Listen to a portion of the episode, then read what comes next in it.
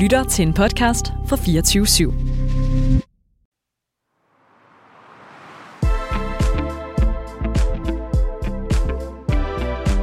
Velkommen til Hjernesover, en podcastserie om migræne.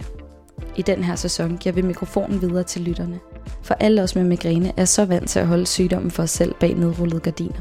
Men nu er det på tide at bringe historierne ud i lyset. For selvom migræne er en hård lidelse, behøver det ikke udelukkende at være et hårdt liv. Jeg hedder Anna, og jeg er glad for, at du lytter med. Jeg sidder her sammen med Mette Marie på 21 år. Hun begyndte på at læse til fysioterapeut i sommer. Hun drømmer om at komme på verdensholdet i gymnastik, og så prøver hun at leve et helt almindeligt ungdomsliv på trods af kroniske smerter og diagnosen NDPT, altså New Daily Persistent Headache.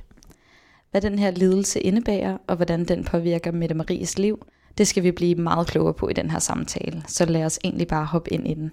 Velkommen til dig, Mette Marie. Tak. Ifølge det medicinske tidsskrift The Journal of Headache and Pain er New Daily Persistent Headache en sjælden hovedpinelidelse. hovedpinelidelse. Den er karakteriseret ved en pludselig opstået hovedpine, hvor tidspunktet fra hovedpinens begyndelse vil stå meget klart for patienten, og hvor hovedpinen efterfølgende fortsætter i et vedvarende dagligt mønster. Mette Marie, når jeg læser det her op, kan du så genkende dig selv i beskrivelsen af den her diagnose, du har fået stillet? Ja, øh, specielt fordi jeg kan huske dato og klokkeslæt for, øh, for den dag, jeg fik hovedpine for første gang. Vil du ikke lige prøve at tage os med tilbage og ligesom fortælle helt præcis, hvad der skete? Jo, øh, jamen det startede i 2G den 18. februar 2020, hvor at øh, jeg sidder til en fysikteam og begynder at få sådan lidt, lidt ondt i hovedet. Jeg havde haft lidt, øh, været lidt syg weekenden op til. Jeg mener, det var en tirsdag. Og jeg beder så, eller spørger ud i klassen, om der er nogen, der har en hovedpinepille. Og øh, det er faktisk der, at min hovedpine den starter til en fysikteam den 18. februar 2020. Og så stoppede den bare aldrig. Og så var det et længere udredningsforløb. Derfra. Ej, hvor er det vildt, at du alligevel sådan, faktisk har spurgt ud i klassen og været sådan, er der nogen, der har en hovedpinepille, uden overhovedet at vide, hvad der egentlig var i vente på det tidspunkt? Ja, sådan, jeg kan tydeligt huske, at jeg tog den, fordi jeg aldrig tager hovedpinepiller. Så sådan, jeg kan virkelig tydeligt huske, at det var præcis sådan noget kl. 10-12-agtigt. Ej, for er til vanvittigt. Så det er simpelthen i februar måned her i 2020, som du siger. Ja. Altså, hvad sker der så i tiden efter? Fordi som du siger nu, så stoppede den jo ikke rigtig den her hovedpine, som den jo normalt gør, når man lige har hovedpine en dag. Ja, og jeg har jo aldrig lidt af hovedpine før. Så jeg sagde det jo til mine forældre, og var sådan, nej, nu synes jeg godt nok lige, at jeg har haft hovedpine i nogle dage. Og jeg begyndte også at sådan, ja, blive lysfølsom og lydfølsom, og sådan, der kom bare rigtig mange ting sådan på kort tid. Og så, jeg tror, det var to uger efter den dag, jeg fik hovedpine, der tog vi så til lægen. Min far og jeg havde taget ham med, fordi jeg ikke er så vant til at tage til læge hvor at jeg fik tjekket mit infektionstal, og jeg fik snakket med lægen. De var meget sådan, om det var stress. Jeg gik jo i 2G, og det var jo februar, det var koldt, og jeg var nok bare stresset. Og jeg fik egentlig at vide, at min infektionstal var fine. Det viser sig så, at de ikke havde været helt gode dengang. Og øh, jeg fik egentlig ikke rigtig noget at vide efter det, øh, men nok bare, at jeg var lidt stresset. Og så gik der nok en måned mere, og det blev bare ikke bedre. Og jeg blev faktisk rigtig dårlig. Altså, jeg var også mega drænet. Altså, jeg var mega træt. Jeg havde aldrig oplevet at have, at have hovedpine på den måde, og det bliver alle jo trætte af, at have smerter. Så jeg blev rigtig, rigtig træt. Jeg var i rigtig dårlig humør, og ja, fik kvalme, og kastede os op få gange. Og så ringede jeg så op til lægen igen en måneds tid efter, jeg var sådan, det er ikke blevet bedre. Og så fik jeg så en tid på neurologisk afdeling på hospitalet, hvor jeg skulle hen og egentlig bare have taget nogle blodprøver, troede jeg. Men det viste sig jo så at være en lidt længere omgang, da jeg kom derhen. Hvad skete der der? Jamen, det var den 11. marts, hvor at jeg havde tid om morgenen. Jeg så med min mor ind til, øh, jeg mener, det var Herlev Hospital. Og så var jeg på neurologisk afdeling og skulle have nogle blodprøver, fordi de, ja, jeg ved faktisk ikke helt, hvad de skulle tjekke. Noget med min hovedpine. Og jeg sidder der med min mor og får taget nogle blodprøver og kommer ind til den her unge læge, som så begynder at lave de der typiske neurologiske test på en. Kan du ja. huske, hvad det var for nogle tests her? Jamen, det var sådan noget med, at øh, han havde hænderne ude til hver side og så, af mit hoved, og så skulle jeg sådan følge hans hænder med mine øjne, og sådan noget sensibilitetstest, og der bongede jeg ret hurtigt ud. Jeg har mega nedsat, eller ikke mega, men jeg har nedsat følelse i hele venstre side. Og det havde jeg faktisk ikke lagt mærke til før, at han ligesom lavede den test på mig. Gud, altså hvordan føles det? Ja, men det er jo det, det føles jo ikke rigtigt af noget. øhm, men, øh, men, men det er sådan, det er lidt skørt, fordi sådan, jeg kan tydeligt, hvis han tog en, øh, en finger på min højre overarm og en finger på min venstre overarm og lod dem sådan glide ned. Det føles lidt som om, at det er sådan ligesom når ens fod lige har sovet. Mm. At den der følelse af, at det summer sådan lidt, og man kan godt lidt mærke, at man rører ved den, men ikke helt. Og så spørger han mig så, om jeg tager medicin. Og det var jeg jo sådan lidt, nej, det gør jeg jo ikke. Indtil at øh, min mor, hun så pegede ud, du tager p-piller. Så var det jo lige pludselig en helt anden side af sagen. For så var der mistanke om en blodprop og en hjerneblødning. Så jeg blev sendt til MR-scanning og CT-scanning. Ja, der havde vi nok været der i 8 timer cirka. Og så sad vi der og ventede. Jeg havde fået drop i, og jeg sad og jeg kunne sgu egentlig godt lidt mærke, at min mor hun begyndte at blive lidt bekymret. Og sådan, det kan man godt mærke. Mm. Sådan, jeg spurgte hende også på et tidspunkt, mor, er, er det her alvorligt? Nej, nej, det går nok, skat. Ja, okay. Den er, den er helt gal, mm. tænkte jeg bare. Mm. Og så kan du huske, hvordan du havde det på det tidspunkt? Jeg, var, jeg havde det virkelig skidt. Altså sådan, både fordi jeg også havde, jeg havde det jo stadig hovedpinen, mm. den var jo heller ikke gået væk, men også den der med sådan, jeg tror også, jeg blev lidt skuffet over mig selv, at jeg har gået så længe, fordi altså, og ikke tænkt over, at jeg tog p-piller, at det var medicin, at jeg egentlig aldrig rigtig havde tænkt over, at det var medicin. Så jeg nåede også at sidde og blive sådan lidt, åh oh, nej, har jeg gjort det her mod mig selv? Eller mm. sådan, kunne det her være, altså hvis nu jeg har en hjerneblødning, kunne det have været noget, jeg kunne have fundet ud af før, hvis jeg bare havde sagt til lægen, at jeg tog p-piller. Mm. Så sådan en masse øh. skyldfølelse lyder det som om. Helt vildt. Og jeg var jo bare mega bange. Jeg troede jo bare, at jeg skulle have blodprøver hvilket jeg i forvejen jeg er mega bange for nu. Men der var ikke noget svar. De kunne ikke se noget på den der CT-scanning. Så øh, kommer der en anden læge hen og sidder med mig i et rum med min mor, og sådan, vi vil gerne tage en rygmavsprøve. Øh, der, der går det fuldstændig ned. Altså, det er et totalt sort hul, jeg ryger ned i der, for jeg vidste godt, at en rygmavsprøve, det er en nål lige i ryggen. Og jeg kunne ikke helt se, hvorfor jeg skulle det. Og det var, altså, jeg råbte og skreg inden på den, den gang, eller det venteværelse, jeg var i. Og min mor, hun blev nødt til at gå ud med lægerne, og virkelig være sådan, skal hun have den, for det, I får hende ikke til det, hvis, altså, hvis det er. Men det endte så med, at jeg fik den. Og så lå jeg der på min, jeg tror det var min 12. time på Herlev. Og de kommer tilbage, og så siger de, at der var ikke noget at se. Og så blev jeg faktisk sendt hjem igen efter 13 timer med rigtig meget hovedpine. Den toppede der, der var jeg bare færdig. Ej, men selvfølgelig, du har også været hele følelsesregistret igennem oveni. ja. det, det tror jeg, de fleste ved, altså kender selv det ja. der med, at hvis man er vildt ked af det eller sådan noget, så kan det også Præcis. virkelig trigge. Og også bare, man sidder lidt med den der, nå okay, det havde måske været meget fint, hvis det var sådan en blodprop egentlig. Så vidste jeg da, hvad det var. Ja. Nu var jeg bare blevet sendt hjem, og der var ikke rigtig nogen, der vidste overhovedet, hvad det var. Jamen, hvordan var det egentlig at blive sendt hjem, uden at have noget svar? Jeg tror, at øh, altså nu blev jeg jo sendt hjem til, øh, til nyhederne, der, hvor at Mette Frederiksen står og lukker Danmark ned. Så det første, jeg sådan tænkte, det var, ej hvor fedt, nu skal jeg i skole morgen. Men jeg, jeg blev også sendt hjem med sådan en følelse, altså sådan, jeg tror faktisk, jeg var sådan lidt tom indeni. Mm. Jeg, havde, jeg følte slet ikke noget. Nej. Altså, jeg har også fået at vide, at jeg sagde ikke noget. Jeg sad bare, mine forældre havde der købte sushi, og sådan prøvede virkelig at sådan, åh, du har haft en hård dag, og jeg kan bare huske, at sådan, jeg følte, at jeg bare sad totalt tom indeni. Mm. Jeg tænkte, hvad nu? For jeg var jo også blevet sendt hjem uden noget. Altså, sådan, der var jo ikke noget med sådan, du skal komme igen i morgen, og så tjekker vi noget andet. Sådan, det var bare, at vi sender dig hjem. Ja, der var ikke sådan lagt en plan på det tidspunkt eller noget? Overhovedet ikke. Nej.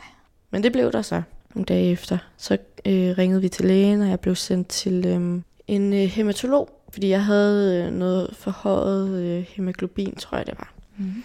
Det ville de tjekke for, om jeg havde en hjerte eller en øh, blodsygdom mm. med for meget jern, om det kunne være det. Men det var det ikke. Og i mellemtiden, der var jeg også til øjenlæge, for det kunne også godt være, der var noget med øjnene, men der var heller ikke noget at se der. Og jeg var også til tandlægen for at få tjekket min kæbe. Mm. Så jeg fik ligesom tjekket alt. Jeg sådan prøvede måske også at udelukke en masse ting. Fuldstændig. Det ja. var totalt udelukkelsesmetoden. Og så fik min mor arrangeret, at jeg kunne komme hen på den her private neurologiske klinik. Og det var første gang, at jeg stiftede bekendtskab med New Daily Persistent Headache. Okay, fordi Ja. hvad sker der så inden til den her konsultation?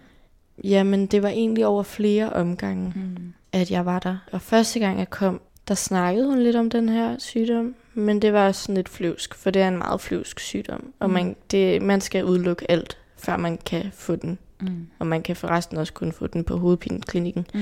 Så hun måtte slet ikke give mig den diagnose. Mm. Men hun fortalte bare om den. Mm-hmm. Men hun gav mig noget medicin, der hjælper Hortons hovedpiner. Mm. Okay. Og det reagerede jeg rigtig voldsomt på. Jeg havde virkelig slemme bivirkninger. Uh. Jeg blev så svimmel. Øh, og jeg gik i, jeg mener, jeg tror det var tre ugers tid, en måneds tid, hvor jeg bare gik og blev nødt til at holde i folk, fordi jeg var så svimmel. Altså jeg var, jeg var bange for at drætte om. Ej. Jeg kunne ikke være i skole, fordi at jeg sad bare, det hele sejlede bare fuldstændig. Jeg kunne ikke tage til træning, og Mm. jeg kunne ingenting. Så det skulle jeg bare af, det medicin. Ej, Det er så voldsomt nogle gange, at man skal igennem. Så- Altså, der tror jeg, der er ja. rigtig mange, der sidder nu og nikker genkendende til det her, fordi der er ofte så mange bivirkninger ved noget af det medicin. Altså, jeg har også selv Ja. bare med det her med svimmelhed, jeg kan huske, jeg var lige kommet på udveksling, og skulle til at lære et helt nyt universitet og et helt nyt sted at kende, og jeg var så svimmel, at jeg nogle gange simpelthen havde svært ved at se, Ja. hvor jeg satte fødderne foran mig. Altså, det var bare, man er jo en helt anden verden. Altså, sådan, det er så ubehageligt. Ja, det er ligesom hvis man har drukket lidt for meget. ikke? Altså sådan, og sådan at føle sig lidt halvfuld hele tiden. Ej, ubehageligt, ja. Ja, og min hovedpine har jo, altså i hele det forløb har den jo stadig været der. Sådan, jeg har jo aldrig været hovedpinefri på mm. noget Mhm. tidspunkt i hele det forløb. Så det var jo bare sådan nogle bonus øh, udfordringer, Mm. har jeg lyst til at kalde det, mm. at jeg fik. Men kommer du så ud på Dansk Hovedpinecenter? Så kommer jeg nemlig ud på Dansk Hovedpinecenter efter noget tid. Der er jo virkelig lang ventetid til Dansk Hovedpinecenter. Ja. Jeg tror, at jeg skulle vente to måneders tid. Der er nogen, der venter i rigtig mange år, ved jeg. Ja. Og jeg tror simpelthen, det er fordi, at jeg havde det så skidt på det tidspunkt. Mm. Og jeg var så ung. Mm. Så der kom jeg ud og havde en, øh, en kvindelig læge, der bare mødte mig fuldstændig i øjenhøjde. Åh. Virkelig rart. Og jeg kom jo bare... På det tidspunkt, der, øh, der havde jeg også tabt mig vildt meget. Altså jeg lignede, jeg, okay. jeg var bare syg. Mm. Rigtig syg. Og jeg tror egentlig også, at jeg var syg, fordi, altså sådan ekstra syg, fordi jeg ikke vidste, hvad det var, jeg fejlede. Jeg var jo helt sikker på, at jeg skulle dø. Mm. Men jeg får så den her læge, og hun giver mig så New Daily Persistent Headache-diagnosen, fordi alt er udelukket. Jeg har ikke noget andet end Nej. det. Okay. Ja.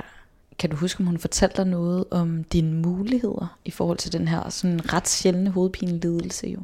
Ja. Og det der er med den, det er jo, at der ikke er nogen muligheder som sådan. Så, øh, som hun sagde det på en rigtig fin måde. Øh, jeg er en sjælden fugl, og øh, jeg har en sygdom, man ikke kan gøre noget ved lige nu. Ja, hun sagde bare, at øh, nu skal vi to, vi skal igennem et forløb, hvor vi skal finde ud af, hvordan vi kan få din hverdag til bare at være nogenlunde okay. Ja. Hvordan reagerede du så på at få den her diagnose, og ikke mindst de her forklaringer om, at der jo ikke rigtig er nogen behandlingsmuligheder her og nu i hvert fald? Jeg var mega glad for at få en diagnose. Mm. Jeg var mega glad for at kunne sige, hvad det er, der giver mig hovedpine. Mm. Og så finde ud af, at det er en diagnose, man ikke dør af. Det var sådan meget vigtigt for mig at vide. Ja. Så da jeg sådan var glad og lettet over det, så ramte det andet mig. Fordi at så var det sådan, Nå, okay, jeg har fået en hovedpine, der er kronisk. Jeg har en hovedpine, man ikke øh, som sådan kan behandle. Og jeg har en hovedpine, man ikke ved, hvornår stopper.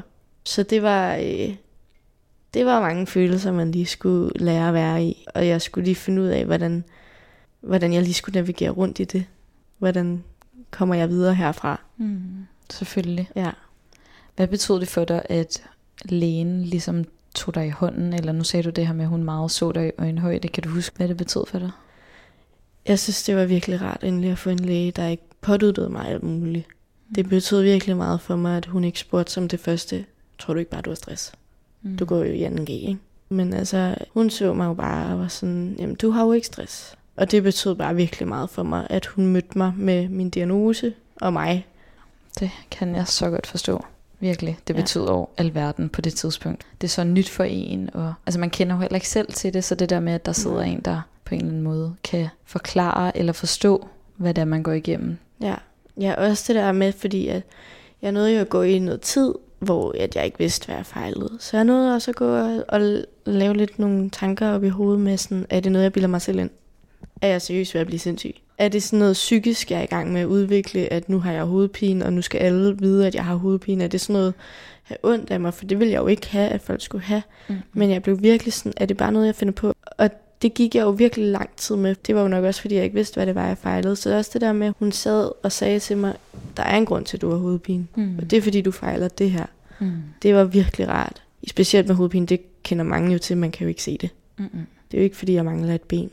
Åh, oh, det kan jeg virkelig godt genkende det der. Mm. Foregår det bare i mit hoved? Altså ja. sådan, er det bare en illusion? Altså er det noget, jeg bilder mig ind, at jeg har de her ja. sindssyge smerter? Og så det der med at være sådan, åh, oh, der er en forklaring. Ja. Det var bare givende på så mange Helt måder. vildt. Okay, så efter at du ligesom har fået den her diagnose ude på hovedpinecentret, så øh, fortsætter du i gymnasiet, eller hvordan? Ja, der er Danmark jo lukket ned. Ja. Så jeg går jo i skole hjemme til min redning. Jeg er så heldig og privilegeret, har jeg lyst til at sige, at min far han arbejder hjemme. Han er arkitekt og selvstændig, så han er kontor hjemme. Og jeg gik jo hjemme, og øh, det tror jeg har reddet mig på så mange punkter. At jeg både har været hjemme og kunne tage, og skulle også finde ud af, hvordan jeg gik i skole igen. Også det her med, at min far var der, fordi at, at jeg havde jo bare så ondt mm. stadig. Mm. Og det var jo stadig ret nyt. Det synes jeg stadig, det er, selvom det er snart er tre år siden. Mm. Men ja. Du er ikke nødt til at blive sygemeldt eller noget. Du kan ligesom godt komme igennem det, eller hvordan? Altså jeg snakkede med min studievejleder om, hvad jeg skulle gøre. Fordi jeg vidste godt, at jeg kan ikke gå i skole fra 8 til 16. Det er fuldstændig umuligt for mig. Dels at sidde ned så længe, og dels at kigge på en skærm mm. og koncentrere mig. Mm. Bliver også mega hurtigt træt jo, når man har ondt i hovedet. Det kender mange sikkert. Så jeg snakkede med min studievejleder, og det var lidt sjovt, for jeg blev mødt på en god måde. Jeg fik lov til at få så meget fra, hvad jeg ville. Men hun sagde også til mig, kan jeg huske, at hun skulle have en lægeerklæring, for hun kunne ikke se på mig, jeg havde det skidt. Og jeg blev også med, har du hovedpine lige nu? Ja, det er sådan lidt det kronisk hovedpine betyder. Jeg har det hele tiden. Nå, det kan man ikke se på dig. Du er da sommerbrun. Åh oh ja, okay. Men jeg har det stadig rigtig skidt. Mm. Øhm, så jeg skulle lige have en lægeerklæring på, at jeg var syg. Og så fik jeg så frit fravær, og kunne så lidt navigere rundt i det. Men jeg var også ret stedig. Altså, jeg synes jo, det var et kæmpe nederlag at få hovedpine. Så hvis jeg heller ikke kunne blive student, så ville det bare være et endnu større nederlag. Så jeg var ret fast besluttet på, at øh, jeg skulle blive student i sommeren 2021. Men altså, hvad er det, der får dig til at sige, at, at det har været et nederlag for dig at få den her hovedpine? Ja, det er jo fordi, at jeg gik jo fra at være helt rask. Mm. Der har aldrig været noget. Jeg tror faktisk aldrig, jeg havde haft hovedpine, inden jeg fik det. Til lige pludselig at blive mega syg. Jeg kunne slet ikke genkende mig selv. Mm. Og det kunne folk jo heller ikke. Sjovt nok, fordi jeg havde tabt mig så meget, men også bare min væremåde. Altså, jeg var jo fuldstændig en anden person, næsten fra dag til dag jo. Mm. Fra den 17. februar til den 18. februar, der ændrede jeg mig fuldstændig. Så på den måde så er det som et nederlag, at, sådan, at den, har, den har lidt overtaget mig. Sådan en kamp, en magtkamp, som den så havde vundet ikke? på det tidspunkt. Mm. Ja. På det tidspunkt, siger du? Ja, fordi det, jeg synes, nu er jeg ligesom ved at komme lidt tilbage. Jeg har jo stadig min hovedpine, men sådan, jeg begynder lidt at vinde mig selv tilbage. Dejligt. Ja. Det tænker vi også helt naturligt kommer til at dykke lidt ned i, fordi jeg tænker, ja. du ender jo så med at have et sabbatår mellem, at du bliver færdig på gymnasiet, og mm. nu jo i sommer er startet på studie. Ja. Hvad er det, der ligesom øh, sker der? Altså jeg tænker, det er jo generelt en tid for mange, hvor de skal finde ud af, hvad de gerne vil, og være endnu mere selvstændige og kaste sig ud i nogle nye ting. Og jeg tænker, for dig har det jo stadig været på en eller anden måde at skulle lære og vende dig til at have den her lidelse. Altså hvordan, ja. hvordan forløber det her år? Jamen, altså, jeg havde faktisk ikke helt lagt de store planer. Jeg vidste, jeg skulle på højskole i foråret 2022. Det havde jeg meldt mig til lige siden jeg havde været på efterskole, og det, det havde jeg egentlig ikke overvejet, det kunne jeg ikke. Men jeg havde til gengæld overvejet, hvad søren gør jeg lige det her halve år. Men jeg havde fået den her idé, at jeg gerne ville i værnepligt. Så det søgte jeg. Og jeg havde egentlig ikke troet, at det ville blive et problem overhovedet. Når jeg har det rigtig skidt, så har jeg det jo ikke så skidt, at jeg ligger mig med lukkede døre og mørklægningsgardin. Jeg tager ud og løber en tur og sådan holder mig aktiv. Det hjælper mig rigtig meget. Så jeg havde egentlig aldrig overvejet, at det ville blive et problem for mig at komme i værnepligt. Måske faktisk kun set gode ting ved det. Ja, og, det, og her følger jo netop, at når du har de her rigtig altså, slemme hovedpiner, så kan ja. det hjælpe dig virkelig at få pulsen op. Det, ja. Du forklaret det som om, det ligesom letter et tryk op i hovedet. Lige præcis. Ja, fordi ja. når jeg sidder og hører det, tænker jeg, at det var nok det sidste, jeg skulle. Ja, jeg, og det har jeg virkelig også fået videre mange, der også min læger, sådan, at altså, vil du ud og løbe en tur? ja, det, det hjælper. Det er godt nok også hårdt nogle gange at komme afsted, men det, ja. det giver virkelig meget på kontoen bagefter. Mm. Så kan jeg godt forstå, at du tænker, at det der med at være fysisk aktiv i værnepligt, ja. måske egentlig var en meget ja. god kombination. Ja, ja der, det havde jeg i hvert fald aldrig overvejet, at det ville være en dårlig ting. Mm. Og sådan, jeg tror virkelig, jeg kunne være god i værnepligt. Men jeg bongede på det her sundhedstjek. De havde taget fat i øh, min læge af hovedpineklinikken, og så har de jo fået nogle informationer om mig og min hovedpine.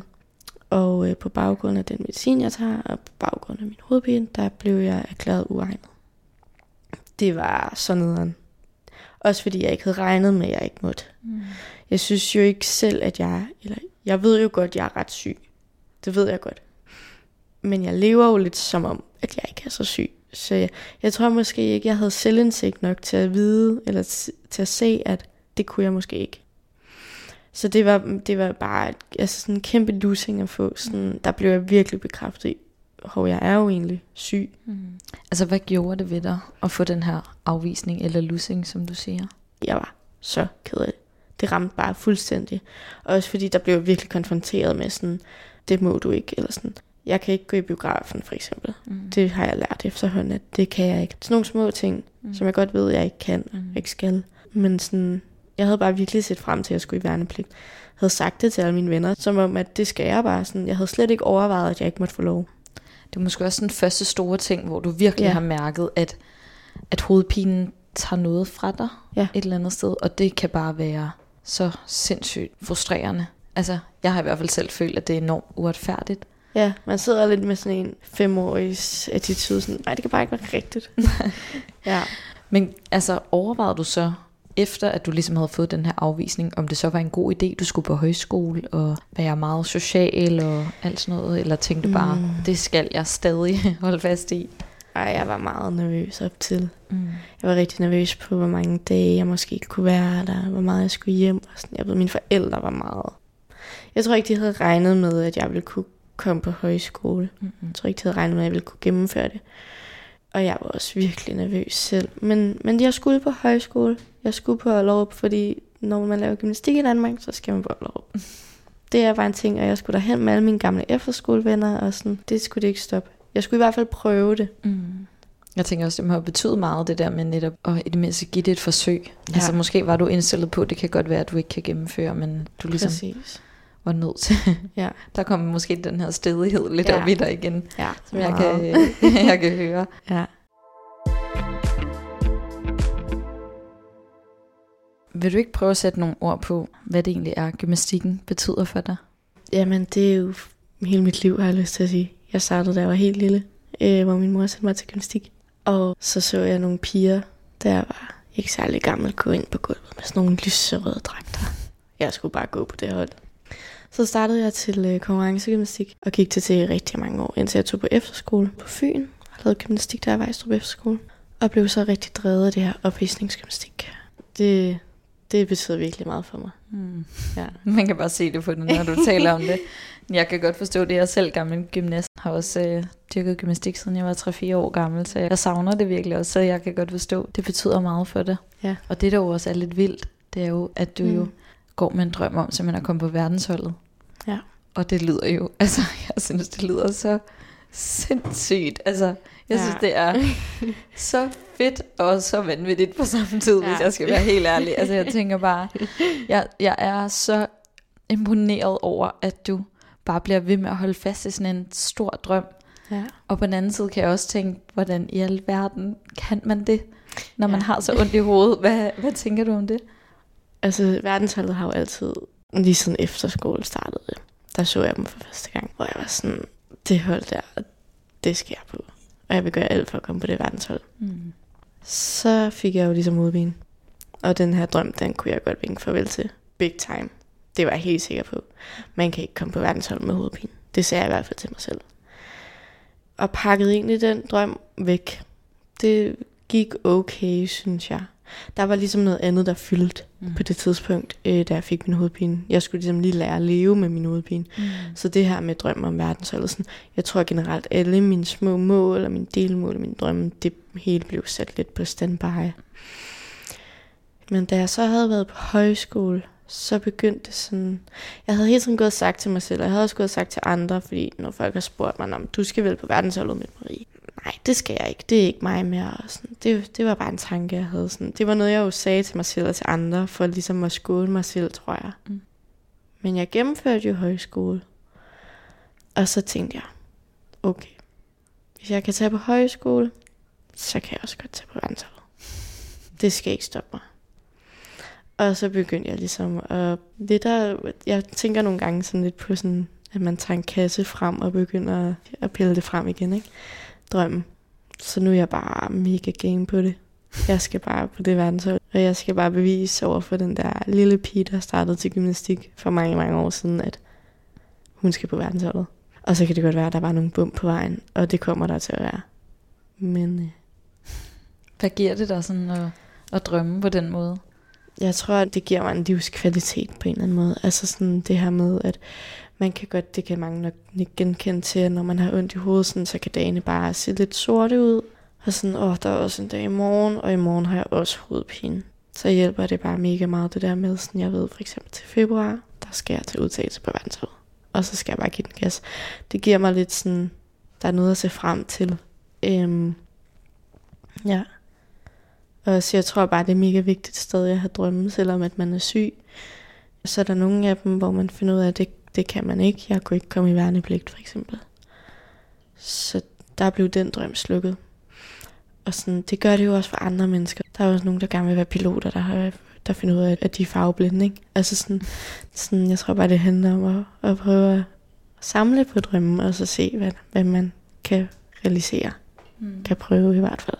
Der er måske også et eller andet med, at, at man måske giver det et forsøg, eller man prøver, altså ja. at man giver alt, hvad man har. Og så kan det godt være, at man ikke når i mål af den ene eller den anden årsag. Nogle gange ja. også jo bare, at, man, at der var nogen, der var dygtige og lige Præcis. i det her tilfælde, eller alt muligt andet. Ja. Men det der med, at man har kæmpet for det og ikke ja. gav op, fordi jeg tror i hvert fald, jeg, når jeg lige hører sådan en historie, så vil jeg måske tænke, hvis det var mig selv, sådan, at hvis jeg ligesom var blevet afvist i værnepligten, så tror jeg, jeg ville tænke, at alt der minder om det, ja. det vil nok være udelukket for mig. Ja. Så jeg nok bare vil starte med at bare lukke det lidt ned i mig selv. Lidt som du jo på en måde også gjorde det, men ja. du sagde, at du prøvede lidt at skåne dig selv fra det, men, men jeg synes virkelig, det er beundringsværdigt, at du sådan, som du siger med den her kasse, at du mm. er ligesom mhm. begyndt at pakke det ud igen, og, og sige sådan, ved du hvad, det skal ikke stå i vejen. Altså jeg vil i hvert fald gøre mit for at kæmpe for det, det synes jeg, øh, synes jeg fandme er sejt. det må jeg virkelig sige. Også fordi jeg jo, som jeg sagde før, bare kan se, at det sådan stråler ud af dig, når du taler ja. om gymnastikken. Og jeg synes jo bare på så mange måder, at det giver helt vildt god mening, at, at der jo er virkelig, virkelig mange grå dage, mm. og mange mhm. dage med smerter. Alle dage ja. med smerter i den ene eller den anden forstand. Og så det der med at have noget, der giver en så meget liv og glæde, at, at hovedpinen nogle gange kan stå lidt i baggrunden.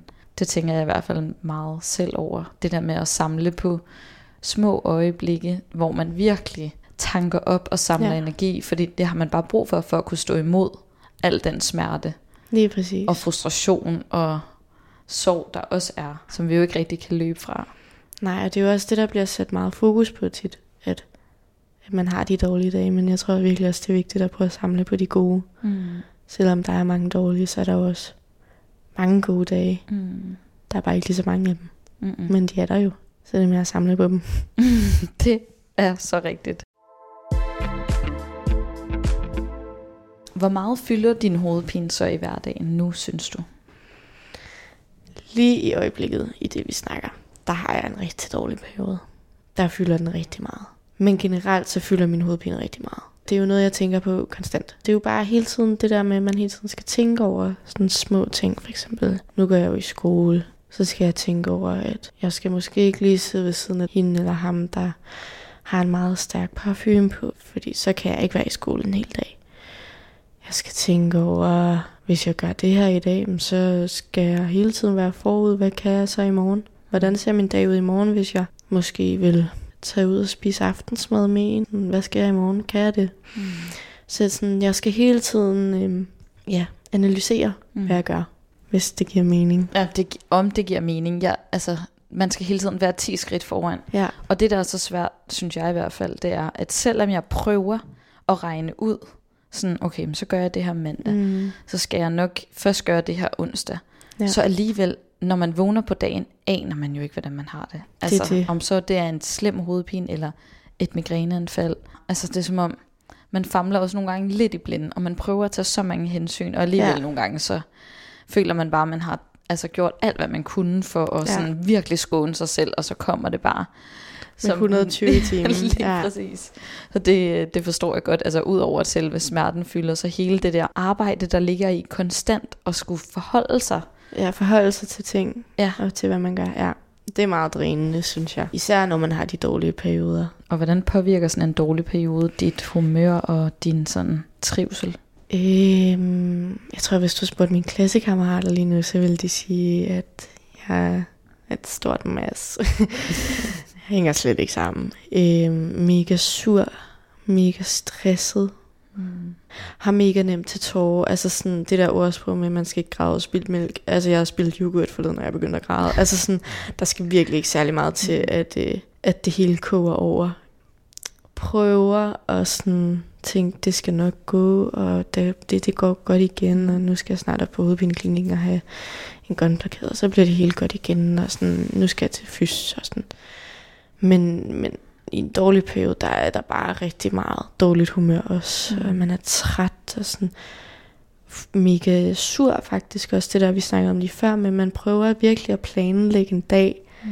og så kan man bare blive ramt med 120 timer, og man har ellers taget så godt hensyn, og så alligevel så får man bare det mega dårligt. Sådan, så kan jeg virkelig blive sur. Altså jeg kan blive så frustreret, og sådan have lyst til at kaste håndklæde i ringen. Mm. Oh, jeg kan så godt genkende ja. alt det, du siger. Men altså, hvad gør du så? Hvordan i alverden kommer du igennem dine dage? Og altså, som jeg forstår det, har du både nu fuldtidsstudie og mm. laver gymnastik ved siden af, og ja. ligesom prøver at have et normalt ungdomsliv som 21-årig. Hvordan kommer du igennem dagene, når du så også er i de der hårde perioder, hvor du bare er sur og ked af det? Ja, hvordan gør jeg det? jeg, jeg er jo en god trosser har jeg lyst til at sige. Jeg tager jo i skole, og i skole så lang tid jeg skal være der. Tager ikke hjem. Vågner op, og jeg, jeg sørger i hvert fald for at spise mine måltider. Det er mega vigtigt, for det kan jeg godt komme til at glemme, når jeg har dårlige perioder, så glemmer jeg at spise. Så det er sådan en ting, at det, det, det tænker jeg meget over. Ja, yeah. jeg prøver, ja, det hjælper på mig at lave sport, så jeg prøver at dyrke en masse sport, mens at det er en dårlig dag. Sådan, prøv at se, hvor jeg lige kan flette ind og løbe en tur, eller tage fitness, eller øh, jeg tager også rigtig tit hjem til mine forældre, når det er meget slemt. Mm. Så kan de passe lidt på mig, og de, de er jo gode til at omfavne mig, når jeg er i dårlig humør. De får virkelig kastet meget lort i hovedet. Men det griber de jo bare, de ved jo godt, at, at det jo ikke er ment ondt, hvis jeg kommer hjem og er sur over, at min far han ikke har købt den der neutral yoghurt for Arle. sådan, altså det er jo sådan nogle små ting, hvor man virkelig kan være, jeg kan virkelig være strid. Mm. Så det hjælper rigtig meget til hjem til dem at få sovet. Mm. Sover rigtig meget nu. Det er en dårlig periode. Men jeg tror faktisk ikke, jeg gør noget som sådan i min hverdag, sådan udover. Fordi jeg føler lidt, at jeg har nogle forpligtelser. Jeg skal tage til gymnastik, og jeg skal tage i skole. Altså det skal jeg bare. Mm. Selvom der er jo ikke nogen, der siger, at jeg skal. Mm. Men, men jeg føler jo, at jeg skal. Så presser den nok også lidt. Prøv bare at komme igennem. Ja, altså hvad giver det dig det her med bare pressen, og når du sagde før ja. også det her med, at du er nok en, der trodser meget. Altså hvad, hvad er det i dig, der, der driver på den måde? Jeg ved faktisk ikke, hvor det kommer fra. Jeg har absolut ingen idé. Det, det er seriøst først kommet efter, jeg har fået min hovedpine efter den 18. februar, det er rigtig mm. stedig. Og jeg tror egentlig, at det giver mig den der følelse af, at jeg lykkes med noget. At sådan, selvom jeg har det virkelig dårligt, så, så tager jeg i skole og er der hele tiden. Og det lykkedes. Sådan, det er sådan en lille sejr, så jeg tror egentlig, at jeg gør det for at få de der små sejrs oplevelser. Fordi ellers så, tror jeg, jeg ville sidde tilbage, altså hvis jeg havde sagt nej til alt. Ikke taget i skole, ikke taget til træning, så ville jeg bare sidde. Så kunne jeg jo sidde derhjemme i min lejlighed og være ked af det og surt ansigt på. Men det får jeg det jo ikke bedre af, i min optik. Mm. Jeg får det heller ikke bedre af at tage i skole en hel dag og tage til træning. Der får jeg det jo også skidt. Men jeg får noget andet, der så er bedre. Den her følelse af, at men jeg gjorde det jo. Jeg kan generelt ikke lide at have ondt af mig selv. Og jeg kan bestemt ikke lide, at andre skal have ondt af mig. Så sådan, jeg kan ikke lide at sige til min studiegruppe for eksempel, at jeg bliver nødt til at blive hjemme, fordi jeg har ondt i hovedet. Fordi jeg, jeg ved ikke, det er en meget speciel følelse, men jeg kan bare virkelig ikke lide det der med, at, sådan, at folk skal se mig være syg, og se mig som hende med hovedpinen. Så jeg tager egentlig bare ja, afsted og gøre det. Fordi at, så er jeg jo bare med Marie. Mm. De kan jo ikke se, det er jo sådan en lille god ting med hovedpine. De kan jo ikke se, at jeg har ondt. Så jeg prøver bare at komme og fik det. Så du ligesom bare holder den for dig selv, som om, altså det lyder lidt som om det der med, at du prøver at sætte foden ned over for, at hovedpine ligesom skal komme ind og overtage noget af mm. din identitet på en eller anden måde. Altså når du siger, at hvis du bare holder fast i alt det, du kunne før, Mm. så er du også på en eller anden måde udad til lidt den gamle Den samme. Mette Marie. Ja. Jeg tror, at øhm, de fleste i min klasse lige øjeblikket, de ved ikke, hvor skidt jeg har det, når jeg kommer i skole. Det ved de heller ikke til træning, når jeg er til gymnastik. Især ikke den her periode, hvor det er rigtig skidt. Jeg tror, folk ville være overrasket over, hvis de vidste, hvor dårligt jeg egentlig havde det. Men de kan jo ikke se det på mig, fordi jeg skjuler det. Og det synes jeg jo på nogle punkter er lidt rart, at de ikke ved det. At det kan jeg gå hjem og sige til mine forældre. Men er du generelt åben omkring din hovedpine og den her sygdom? Jeg synes, det bliver bedre. Jeg øver mig i det. Øh, men nej, det er jeg ikke. Overhovedet ikke. Det er meget sjældent, jeg siger til folk, at jeg har min sygdom. Jeg har været nødt til at sige det til gymnastik. De ved godt, at jeg har noget med mit hoved. Nogle i min klasse ved også godt, at jeg har den der. Jeg har min Mette Marie, hun har et eller andet sygdom i hovedet. Ja. Men, men det er ikke fordi, jeg har sat mig ned og fortalt, sådan, hvad det er. For jeg synes, det er mega svært at forklare. Og jeg tror, der er mange, der lider af hovedpine sygdom, om det er migræne eller hårdtand eller det, jeg har. Sådan, det er virkelig svært at forklare hovedpine, uden at sige bare hovedpine. Altså det der bare, fordi det er ikke bare hovedpine, om det så er det ene eller det andet. Mm. Det er mega svært at forklare. Men man kan heller ikke rigtig vise det. Man kan jo heller ikke scanne en hovedpine. Så sådan, jeg synes, det er virkelig svært at fortælle om min hovedpine. Og sådan, når jeg skal forklare folk, hvad det er, jeg fejler, så har jeg også lagt mærke til, sådan, at jeg, jeg japper lidt igennem det. Sådan, "Jamen, jeg har det, og så, mm. sådan, det går meget hurtigt. Sådan, ja, så, så jeg har bare hovedpine Hvor jeg så selv tager mig i at sige, "Men bare hovedpine. Fordi jeg, jeg ved simpelthen ikke, hvordan jeg skal forklare det, så det er nemmere bare for mig nogle gange bare ikke at sige noget. Men jeg, jeg øver mig i at sige det, men, men det er begrænset, Mm. vil jeg sige. Og jeg kan så godt genkende det, du siger, fordi i starten, da jeg fik diagnosen migræne, Ja. Der jappede jeg mig totalt også igennem, når nogen Ja. spurgte ind. Jeg ville slet ikke sådan rigtig fortælle om det, og jeg havde slet ikke lyst til sådan at dele Nej. ud af det på en eller anden måde, fordi jeg havde alle mulige idéer om, hvad folk nu tænkte om det, og, og så er der nok alle mulige, der tænker, og så er jeg ligesom deres irriterende et eller andet, der også ja, der lider er af altid en eller anden, der har det, ja. Ja, men jeg må godt nok sige, altså jeg, øhm, jeg har virkelig fået meget ud af faktisk at prøve at forklare det til folk, fordi de vil virkelig gerne Ja, forstå. Sådan har jeg i hvert fald oplevet det, og jeg tror også langt hen ad vejen, at det er kommet totalt bag på mine venner og mine omgivelser, hvor invaliderende det er. ja, Og det har bare gjort, at jeg føler, at jeg har fået meget mere plads til faktisk også bare at være mig, og til også at nogle gange trække mig og netop være lidt dårlig humør, eller være lidt træt, og ja. så i stedet for at melde afbud, så kan jeg godt nogle gange alligevel møde op, og så bare være træt og uoplagt, men så er Ja. jeg ikke så bange for at vise den del af mig, fordi så ved de hvorfor, og de kender jo stadig godt. Altså så kan de jo godt se, at, sådan, at nu er jeg ikke bare blevet en kedelig type. Altså så Nej, kan de jo nej. på en eller anden måde også godt se, at jeg er hårdt ramt. Og det har Ja. faktisk bare været meget rart nogle gange at indvige mig, og så er det også ekstra dejligt at være sammen med dem, når jeg så rent faktisk har det godt. Og så bliver det også bemærket, fordi de på en Ja. eller anden måde også lidt er med på de dårlige dage, synes jeg i hvert fald. Men jeg kan virkelig godt forstå, at, at det er svært. Ja. Altså hvis du tænker lidt fremad, nu har du snart haft det her i tre år. Mm. Tænker du, at du ligesom kan blive ved med at leve på den her måde, hvor du egentlig ret meget trods af sygdommen, men at du så også rammer ind i de her virkelig hårde perioder, hvor du sådan mentalt lyder det til at også bliver presset, at du ja. bliver ked af det og søge hjem til dine forældre. Har du gjort dig tanker ja. omkring det? Altså jeg har jo egentlig tænkt før i tiden, at det gik nok bare. Men jeg kan jo godt se efterhånden, at det måske ikke er så holdbart. Jeg skal til at blive bedre til at sige nej. Og det er noget, jeg snakker dagligt med mine forældre om, især i den her periode. Sådan, det, jeg kan ikke leve på den her måde for evigt. Øhm, og slet ikke fordi, at jeg har jo en sygdom, der ikke ligesom har nogen udløbsdato. Den kan jo stoppe i morgen, hvis den vil. Men jeg kan også have det resten af mit liv. Så jeg blev også nødt til at, at begynde at, sådan, at, at tænke på den, som om, at jeg har den resten af mit liv. Altså, det stopper ikke i morgen. Det kunne være rart. Men det tror, det tror jeg ikke selv på. Så jeg skal til at, at tænke i andre baner. Og jeg skal også til at blive bedre til, som sagt, jeg at sige nej. Altså sådan over for andre. Altså det er okay at sige nej til det her. Det er også okay ikke at tage til gymnastik, hvis du har det skidt.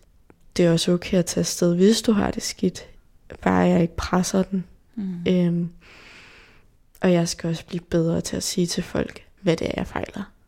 For jeg kan jo også godt forstå, at det er svært at sætte sig ind i, hvad jeg fejler, når jeg først og fremmest ikke rigtig vil fortælle, hvad det er, jeg fejler. Mm. Men også sådan, når det er sådan så flyvsk på en eller anden måde, at jeg kan komme en dag og bare, eller komme om morgenen og være mega glad, og så når jeg har skole til klokken 18, så sidder der klokken 16 og være fuldstændig ved at brænde af. Mm. Så det er helt klart ikke en holdbar livsstil, jeg har gang i lige nu, og det er noget, jeg skal arbejde på at ændre lige så stille og roligt. Men det skal nok også være et tempo, hvor jeg selv føler, at jeg kan følge med i det, mm. hvis det giver mening. Mm. Selvfølgelig. Ja. ja, men alle sådan nogle ændringer kræver jo energi, ja. og det kræver også tid og tilvænning, tror det er jeg. Det. Så man også har sig selv med i det, ikke? Ja. På en eller anden måde. Jeg tænker sådan, er der noget særligt, du er bange for, eller noget, du føler, der holder dig tilbage fra, ligesom at tage mere hensyn til hovedpinen? Mm, jeg tror, det er rigtig meget, hvordan folk ser på mig. Fordi at, jeg kan jo godt huske min Marie, før hun fik hovedpine jeg kan jo ikke huske, hvordan det er ikke at have hovedpine, men jeg kan godt huske, mm. hvordan hun var, før hun mm. havde hovedpine. Og sådan, hende ville jeg jo egentlig gerne stadig være, hvis det giver mening. Og så igen det her med, jeg hader, at folk skal have ondt af mig.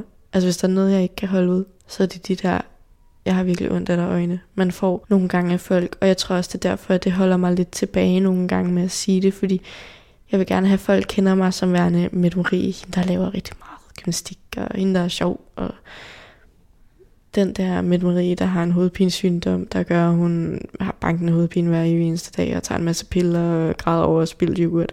Hun er ikke sådan mega nice. Det synes jeg selv jo. Men jeg vil bare ikke have, at folk kender mig som det.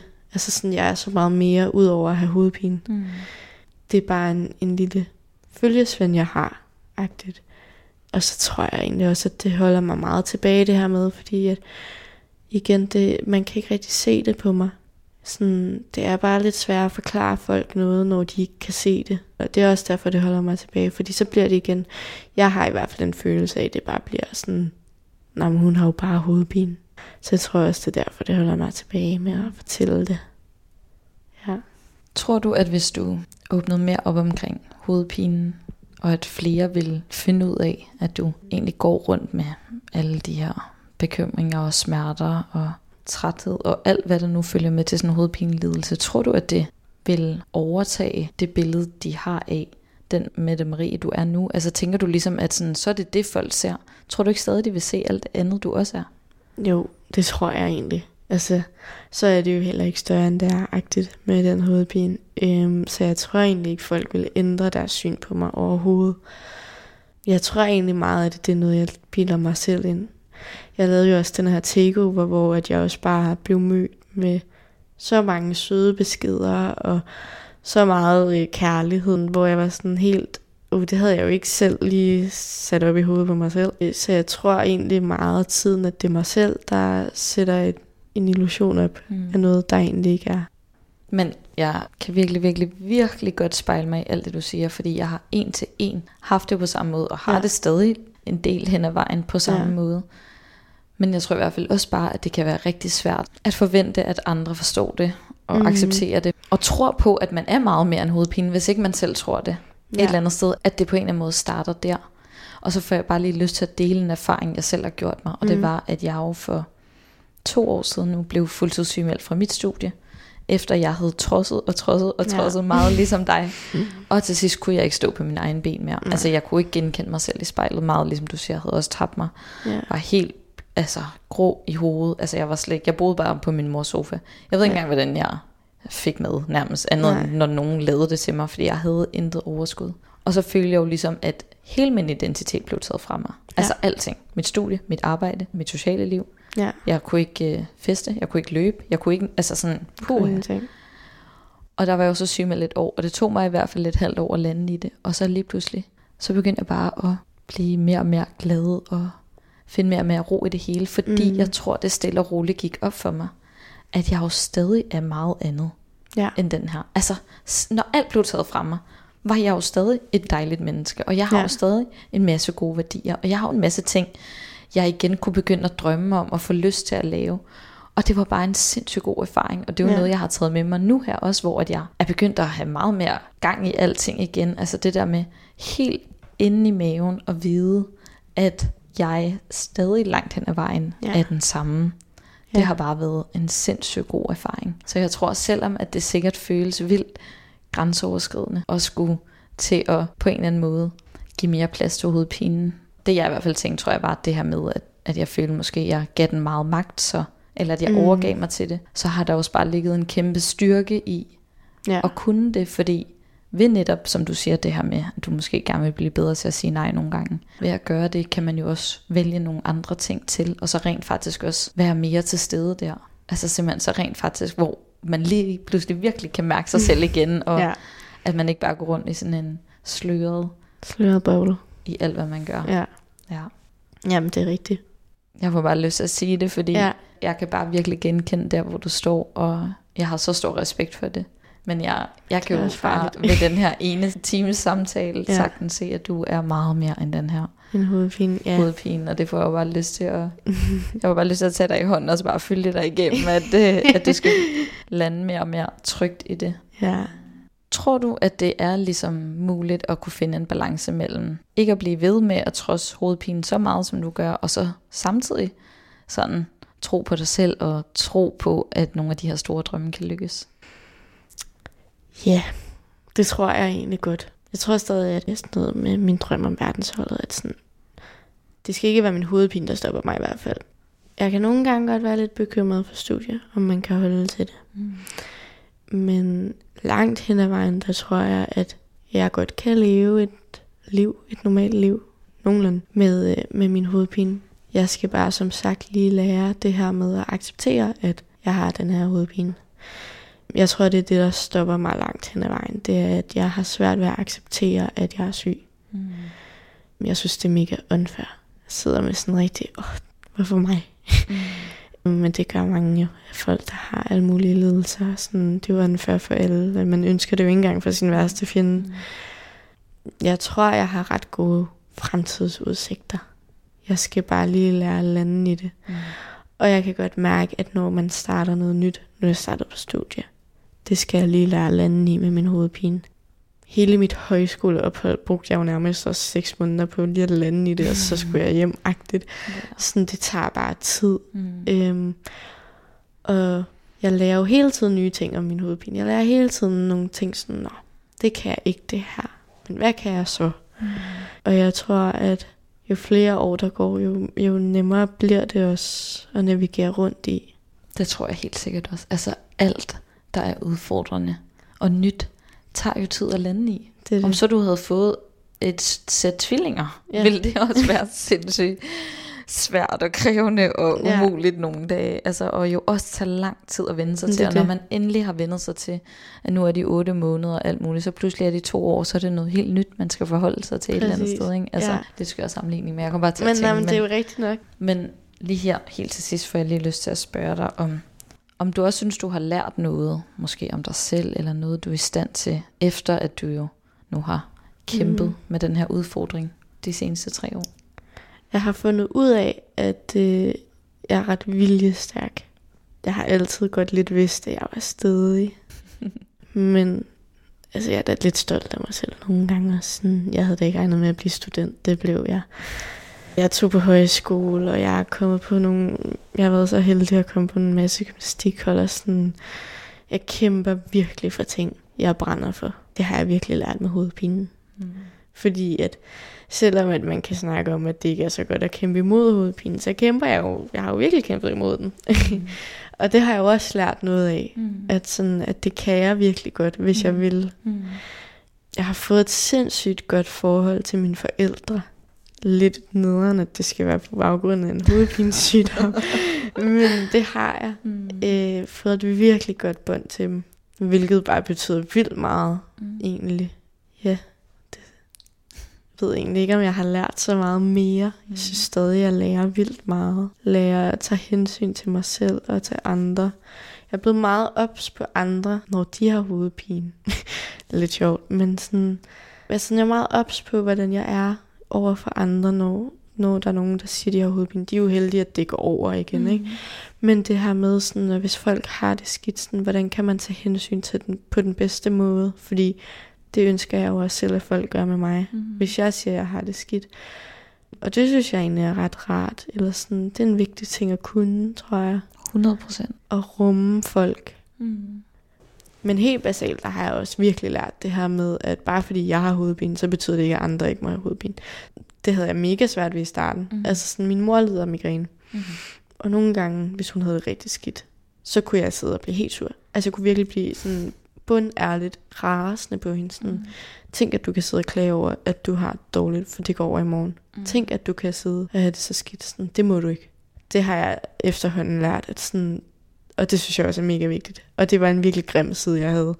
Men sådan det her med, at, at bare fordi jeg har hovedpine, så skal, så skal andre ikke også have lov til at have det dårligt og have en dårlig dag. Og det siger jo også bare noget om, hvor presset man er. Ikke? Fordi altså, det er jo nogle af de faser, man kommer igennem.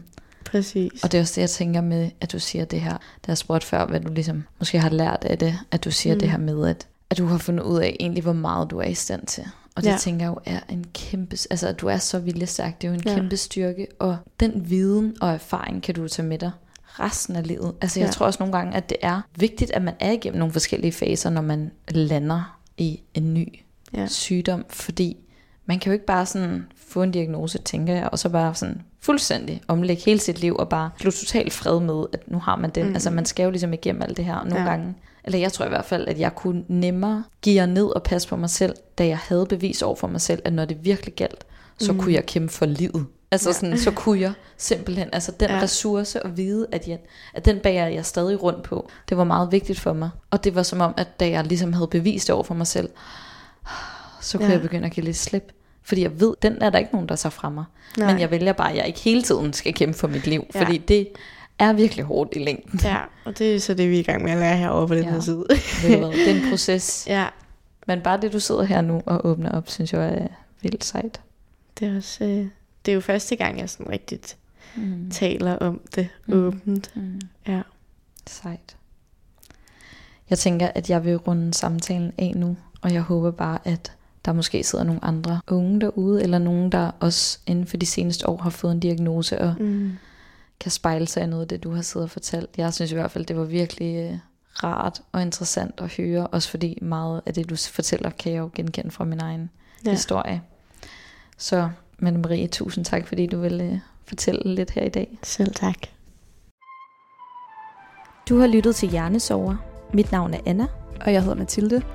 Husk, at du kan finde flere udsendelser af podcasten i din foretrukne podcast-app, og du kan deltage i samtalen om migræne inde på vores Instagram-konto Hjernesover.